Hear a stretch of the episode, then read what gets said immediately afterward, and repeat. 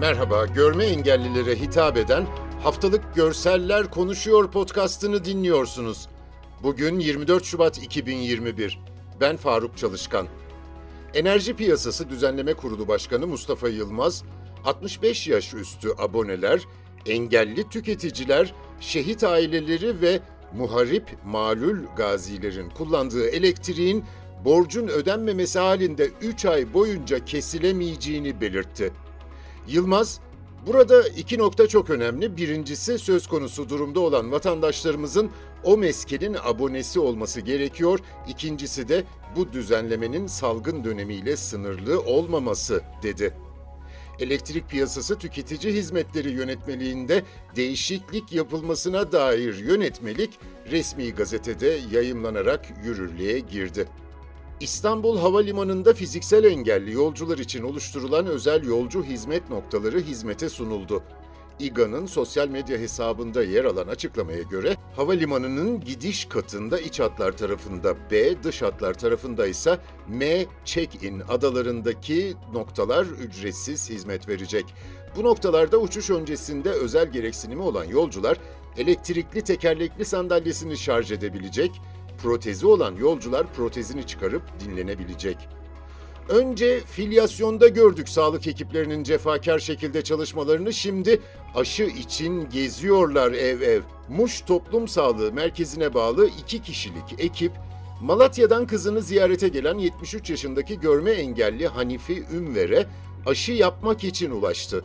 Tam korunma içinde gelen ekip gerekli bilgileri aldı. Görüntüde ekibin eve girişini ve sonra bir odada Hanifi Ünver'in eşiyle birlikte koltukta aşı olmayı beklemelerini izliyoruz.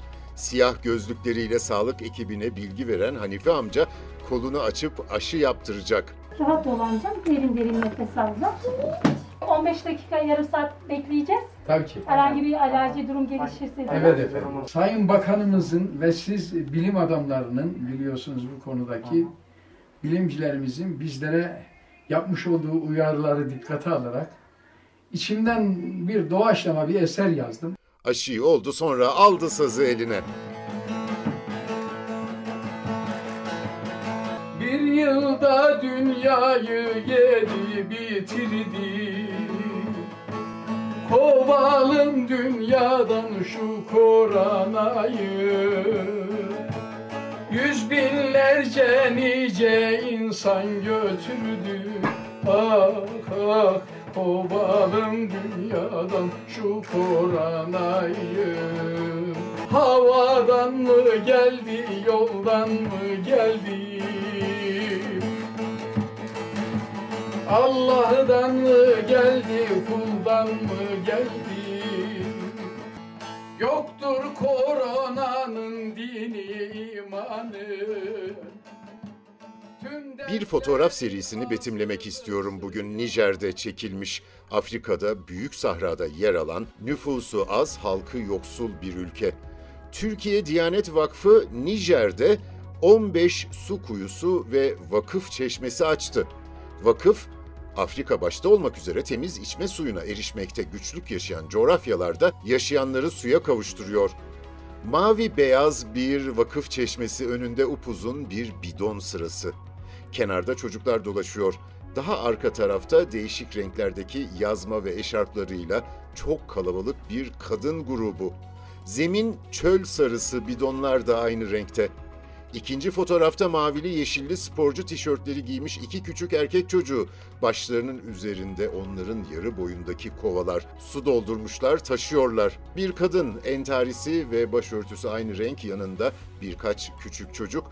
Bu çocuklardan birinin başının üzerinde de plastik kova var, boş. Kadın da elindeki siyah kovayı getiriyor. Dolduracaklar. Çölde suya kavuşmuşlar. Bir başka fotoğrafta çeşmenin mimarisini yakından görüyoruz. Beyaz zeminin alt kısmı mavi. Ön cephesinde çeşmelerin üzerinde Türk bayrağı dikkat çekiyor. Öbür köşede de Nijer bayrağı var. Arada çeşmeye verilen isim yazılıyor. Onun yanında da Türkiye Diyanet Vakfı yazısı ve amblemi. Çeşmenin o cephesinde bir sürü musluk var. Bir karede su sıçratıp gülen çocuklar. Bu haftalık bu kadar. Hoşçakalın.